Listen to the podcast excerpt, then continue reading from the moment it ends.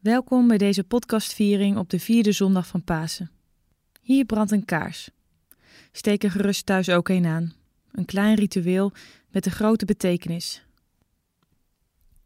Want de vlam van de kaars doet ons denken aan ons verhaal over hoe het allemaal begon. Met God, die tegen het duister sprak: Er zij licht. En er was licht. En het herinnert ons aan Jezus, Gods licht in de duisternis.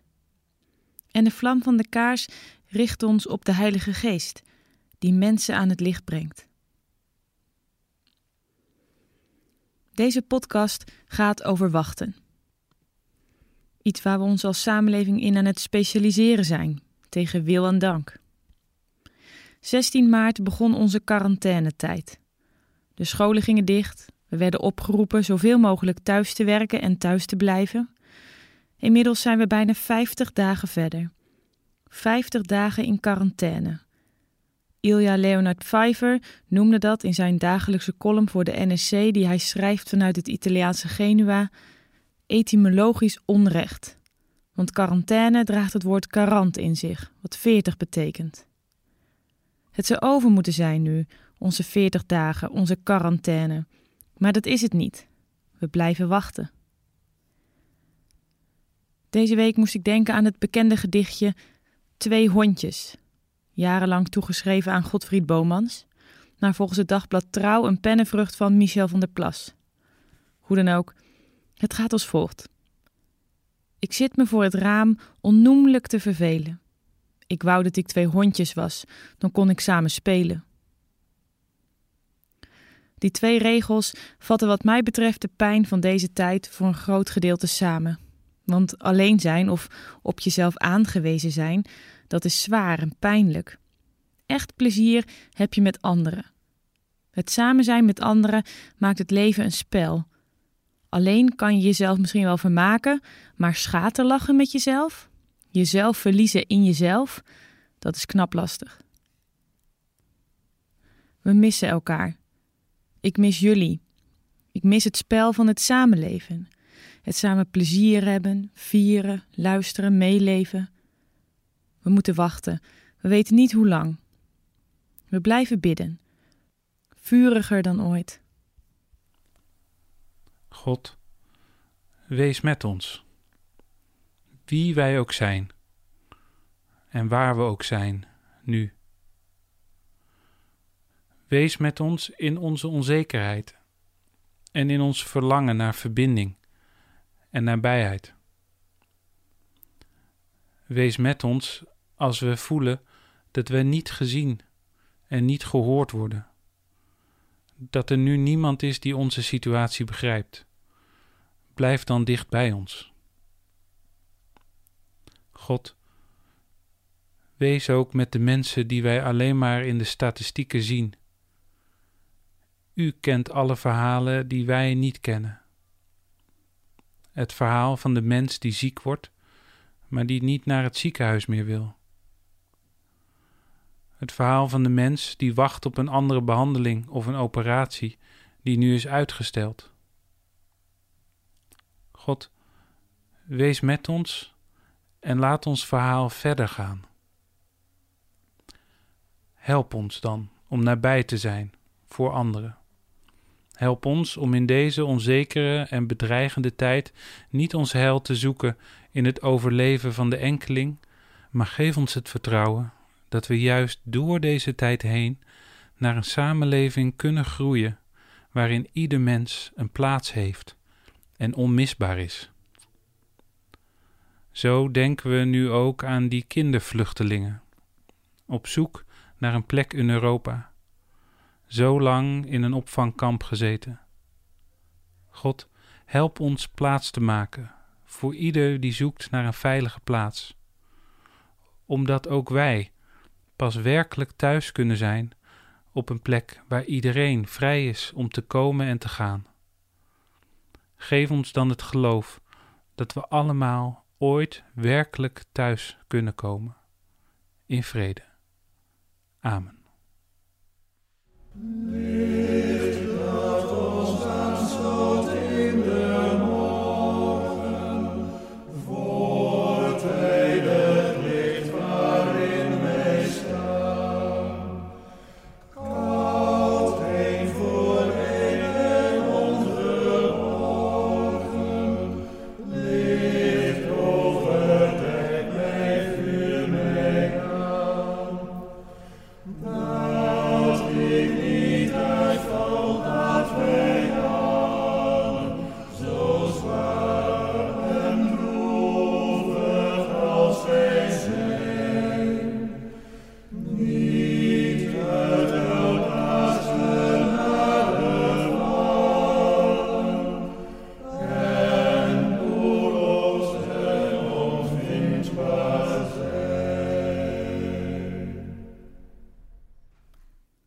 Vandaag staat een tekst uit Matthäus centraal.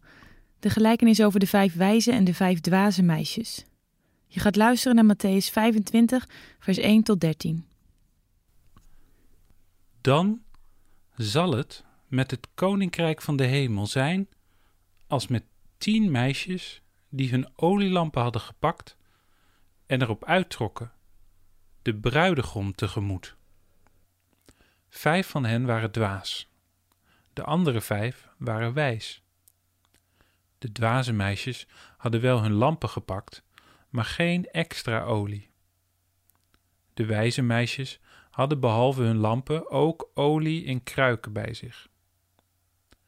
Omdat de bruidegom op zich liet wachten, werden ze allemaal slaperig en dommelden ze in. Midden in de nacht klonk er luid geroep. Daar is de bruidegom, kom, ga hem tegemoet. Dat wekte de meisjes en ze brachten hun olielampen in orde. De dwaze meisjes zeiden tegen de wijze: Geef ons wat van jullie olie, want onze lampen gaan al uit. De wijze meisjes antwoordden: Nee, straks is er nog te weinig voor ons en jullie samen. Zoek liever een verkoper en koop zelf olie. Terwijl zij op olie uit waren, arriveerde de bruidegom. En zij die klaar stonden, gingen met hem naar binnen voor het bruiloftsfeest, waarna de deur gesloten werd. Enige tijd later kwamen ook de andere meisjes. Ze riepen: Heer, Heer, laat ons binnen. Maar hij antwoordde: Ik ken jullie werkelijk niet. Wees dus waakzaam, want jullie weten niet op welke dag en op welk tijdstip hij komt.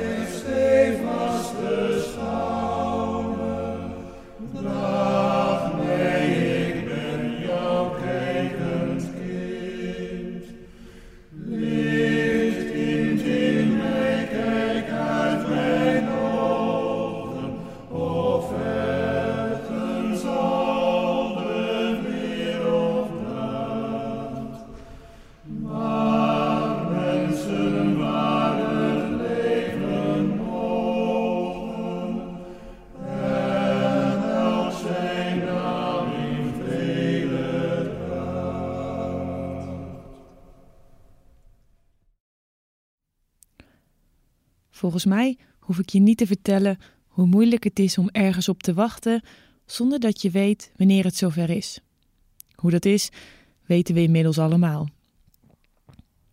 Als je het dan moeilijk vindt om te wachten op bepaalde dingen waarvan je precies weet wanneer het komt, verjaardagen, vakanties, het moment dat het salaris weer gestort is, dan is het nu een heel zware tijd voor je. We hoorden een verhaal over iets waar door heel wat christenen al eeuwen op gewacht wordt: het einde van de tijd, de wederkomst. Een onderwerp dat een beetje buiten mijn eigen comfortzone ligt. In de Bijbel wordt over het einde van de tijd altijd zo groot en gewelddadig geschreven. Veel van wat er in de Bijbel gezegd wordt over zo'n tweede komst van Jezus zegt vooral iets over de tijd waarin het geschreven is. Vaak een tijd van onderdrukking, geweld en vervolging. In die verhalen klinkt dus ook een verlangen door, een verlangen dat het eens afgelopen is, dat er vrede komt, dat er eindelijk eens een tijd aanbreekt dat de mensen op een goede manier met elkaar kunnen samenleven. Zo'n tijd, daar wachten we al even op met elkaar, zeker zo'n 2000 jaar. Maar het is het wachten waard. Zo laat Jezus weten in zijn verhaal over de tien meisjes. Een tafereel gegrepen uit het dagelijks leven van een gemiddelde Jood in de tijd van Jezus. Een gelijkenis wordt zo'n verhaal genoemd. Het gaat over een bruiloft. De bruidegom gaat zijn bruid ophalen op de grote dag. De tien meisjes wachten tot de bruidegom en de bruid naar buiten komen om samen in een grote stoet naar het huis van de bruidegom te gaan, waar het feest is. En dat gebeurt natuurlijk met een grote omweg, zodat iedereen in het dorp ziet en hoort dat er feest gevierd wordt. De tien meisjes zijn niet zomaar meisjes. Het zijn eigenlijk de singles uit die tijd. Allemaal op zoek naar een geschikte man, want ze hadden de leeftijd ervoor. Happy singles bestonden toen nog niet. En in die tijd was je klaar om te trouwen als je een jaartje of twaalf was. Voor de meisjes was het dragen van de lampen een belangrijke taak, want dankzij die lampen kon iedereen hen goed zien en wisten de mannen dat zij een beschikbare huwelijkskandidaat waren. Weer eens wat anders dan Tinder. Voor de mensen in de tijd van Jezus waren de tien meisjes die de bruiloftsstoet begeleiden met hun lampen heel normaal. Een beeld dat als vanzelfsprekend bij de samenleving hoorde. Maar in dit alledaagse verhaal gaat het toch anders dan ze gewend zijn. Want de bruidegom laat op zich wachten en de vijf meisjes hebben te weinig olie bij zich. De andere vijf willen niet delen en als klap op de vuurpijl, wanneer de vijf meisjes zonder olie eindelijk gearriveerd zijn op het feest, met olie en al, zegt de bruidegom: Ik ken jullie werkelijk niet, en doet de deur voor hun neus dicht. Van alles wat er in dit korte verhaal verteld wordt, is dat misschien nog wel het meest schokkende. De verhalen waarmee Jezus iets uitlegt over de nieuwe wereld van God aan de hand van een alledaags tafereel heten dus gelijkenissen. En het is wel even goed om te weten dat een kenmerk van die gelijkenissen is dat ze maar één onderwerp hebben. Ik denk niet dat het in deze gelijkenis gaat om het wel of niet delen van wat je hebt. Het gaat niet om waarom de bruidegom zo laat is of dat elk onderdeel ergens naar verwijst. Ik denk dat Jezus iets anders probeert te zeggen. We horen hem aan het einde van de gelijkenis zeggen: Wees dus waakzaam, want jullie weten niet op welke dag en op welk tijdstip hij komt. Waakzaamheid, daar gaat het dus om. Jezus roept op om waakzaam te zijn, zoals die vijf wijze meisjes die genoeg olie bij zich hadden en mee konden gaan in de stoet naar het feest. Ik vind het wel een mooie term, waakzaam zijn. Wanneer gebruik je dat nou nog? Behalve dan bij waakse honden. Maar wat zegt Jezus daar nou mee? Wees dus waakzaam. Daar krijgen we geen antwoord op in dit verhaal. Hij legt het niet direct uit. Matthäus geeft daar wel invulling aan, iets verderop in zijn evangelie. Matthäus heeft de gelijkenis van de vijf wijze en dwaze meisjes geplaatst in een raamwerk van allerlei verhalen over het einde van de tijd. En het valt op in Matthäus 24 en 25 dat er telkens twee groepen zijn aan het einde van de tijd: een betrouwbare en een slechte dienaar, vijf wijze en vijf dwaze meisjes, schapen en bokken, rechtvaardige en onrechtvaardige mensen. Matthäus vertelt dat er aan het einde van de tijd twee groepen mensen zullen zijn: een groep die het wel en een groep die het niet begrepen heeft. En denk nou niet direct dat Matthäus hier onderscheid maakt tussen gelovige mensen en niet-gelovige mensen, of tussen kerkelijke en niet-kerkelijke mensen, alsof kerkelijke mensen wijs zijn en niet-kerkelijke dwaas, want zo zit het niet. Ga maar eens na. Matthäus schreef zijn evangelie voor een gemeente. Hij schreef het voor de eerste christenen. En in de gelijkenis, wanneer de dwaze meisjes aankloppen bij het feest, dan roepen ze: Heer, dat laat zien dat de dwaze meisjes de bruidegom goed kennen. Het gaat in deze gelijkenis niet om het verschil tussen gelovig of ongelovig, tussen kerkelijk of onkerkelijk. Matthäus heeft het over een scheiding die dwars door alle groepen heen loopt. Aan het einde van hoofdstuk 25 worden er schapen van bokken gescheiden, de wijze van de dwazen, en hier komen we er dan eindelijk achter wat die twee groepen van elkaar onderscheidt. We zijn aangekomen bij een verhaal over het einde van de tijd. De mensenzoon is gekomen en alle volken worden voor hem gebracht. Degenen die barmhartig zijn geweest, zijn degenen die welkom worden geheten in het koninkrijk. Waarom? vragen die mensen dan. Waarom worden wij opgenomen? En dan zegt die koning: Ik had honger en jullie gaven mij te eten. Ik had dorst en jullie gaven mij te drinken. Ik was een vreemdeling en jullie namen mij op. Ik was naakt en jullie kleden mij. Ik was ziek en jullie bezochten mij. Ik zat gevangen en jullie kwamen naar mij toe. Want alles wat jullie gedaan hebben voor een van de onaanzienlijkste van mijn broeders of zusters, dat hebben jullie voor mij gedaan.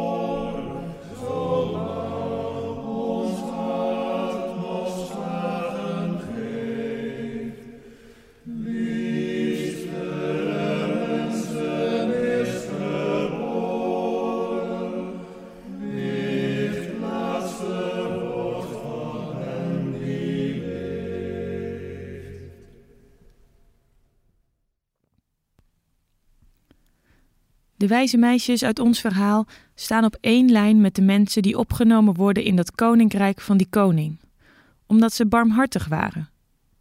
Het wees dus waakzaam van Jezus sluit daarop aan. Waakzaam zijn is niet waaks het pand bewaken of de hemel afturen om te zien of er een nieuwe tijd aanbreekt. Waakzaam zijn, volgens Jezus, is opletten op wat de mensen waar je het leven mee deelt nodig hebben Aandachtig zijn, niet wegkijken. Dat is waakzaamheid. Door zo waakzaam te leven maak je de wereld hier en nu al nieuw. De mensen die in het verhaal over de koning als rechtvaardig werden gezien, kregen deel aan het koninkrijk, omdat het in het koninkrijk draait om rechtvaardigheid. Ze leefden al volgens de wetten van die wereld. Ze mochten doorgaan met wat ze al die tijd al deden: aandachtig en barmhartig. Dit over waakzaamheid. Nu nog even over wachten.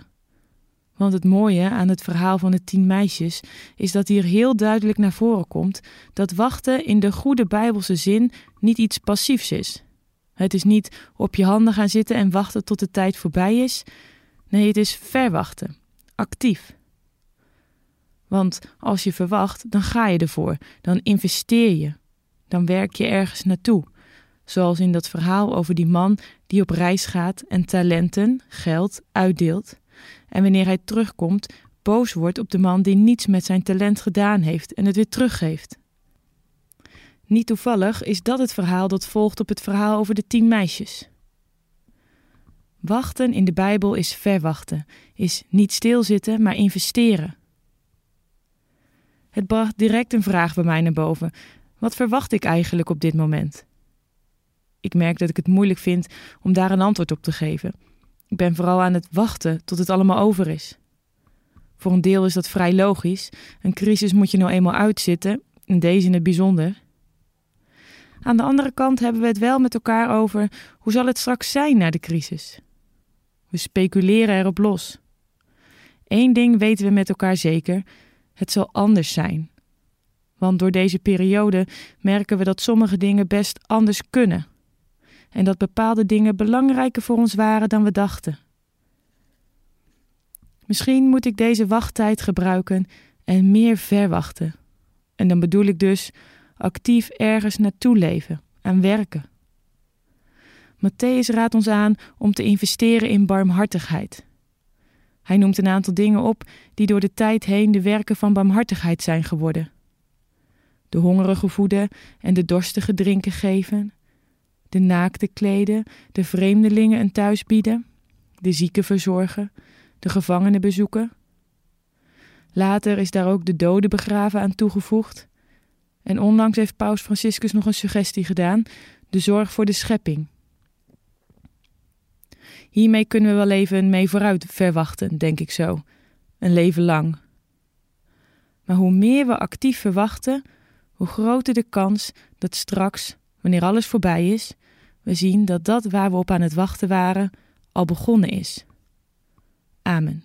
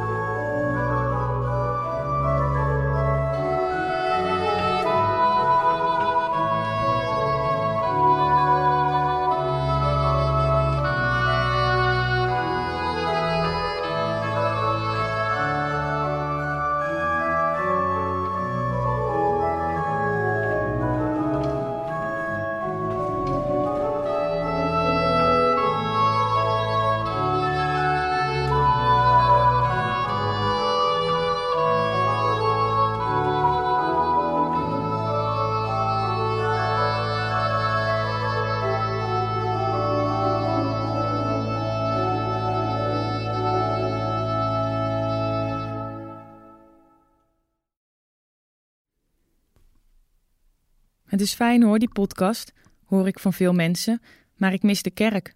De plek om samen te zingen, om te bidden, om te horen hoe het met iedereen gaat. Ik mis de mensen en onze prachtige gebouwen, de rust die die plekken mij geven. Ik hoor dat echt heel veel. En ja, ik mis dat allemaal ook.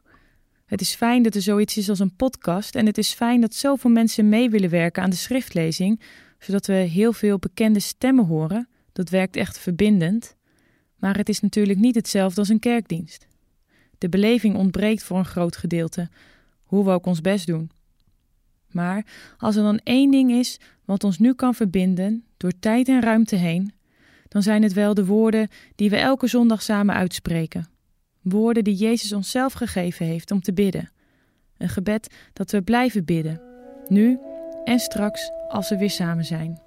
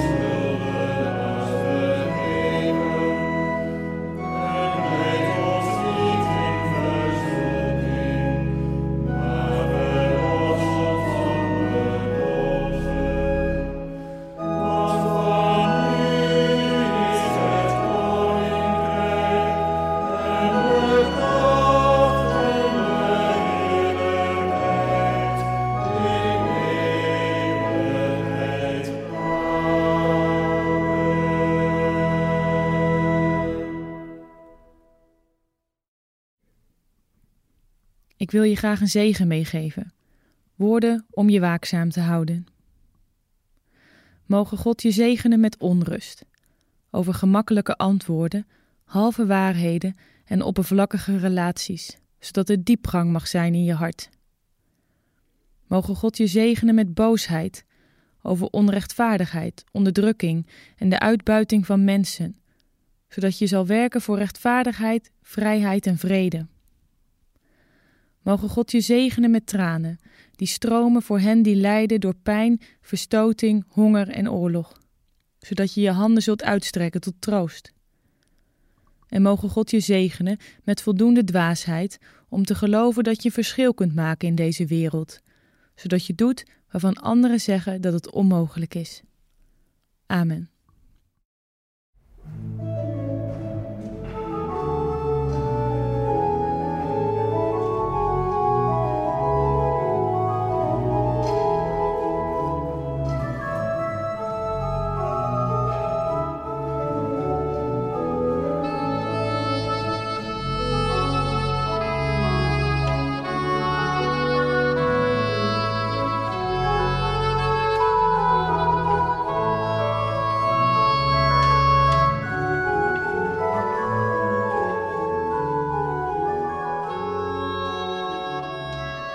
Aan deze podcast werkte mee Diane Vonk, je hoorde haar als dwaasmeisje.